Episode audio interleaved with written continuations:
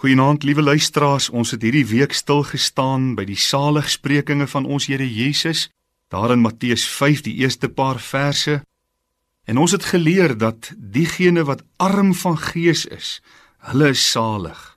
Dis hulle wat totaal van God afhanklik is en nie self voldaan nie. Ook hulle wat treur, wat na die wêreld kyk in nood, deur die oë en met die hart van Christus en dan die hartseer ervaar wat hy ervaar. Die sagmoediges, hulle wie se krag onder beheer is, wat 'n koel bries in steede van 'n orkaan is wat verwoes. Hulle wat honger en dors na geregtigheid, wat die wil en die lewe van Christus leef.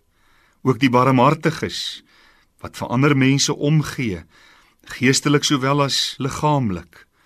Dan ook die wat rein van hart is, wie se gedagtes woorde en dade rein is en nie met bedrog en korrupsie deurtrek is nie. Ook die vredemakers, hulle wat altyd aktief is om vrede te bewerkstellig.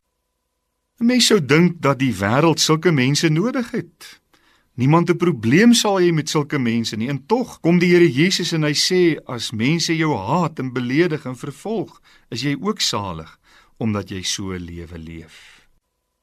En dan kom Jesus in Matteus 5 vers 13 en 15 by 'n wonderlike gevolgtrekking oor diegene wat hy sopas beskryf het. En hy sê: "Julle is die sout van die aarde.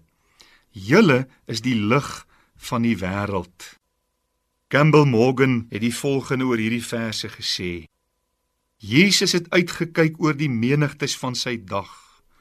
Hy het die korrupsie gesien. Hy het gesien hoe lewens uitmekaar val op elke gebied, die gebrokenheid, die verwarring wat onder mense geheers het. En as gevolg van sy brandende liefde vir hierdie menigtes, het hy geweet wat hulle nodig gehad het om die korrupte harte hok te slaan. Hy het ook gesien hoe hulle in duisternis gehul is, tastende soos mense in stik donker nag. En hy het geweet wat hulle bo alles nodig het is sout en lig.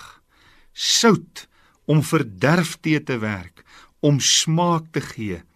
Lig sodat mense uit die duisternis van hulle sonde kan uitkom en hulle tot God kan bekeer. Die prentjie het nie verander in die dag waarin ons leef nie. Inteendeel, ek dink is baie meer intens vandag.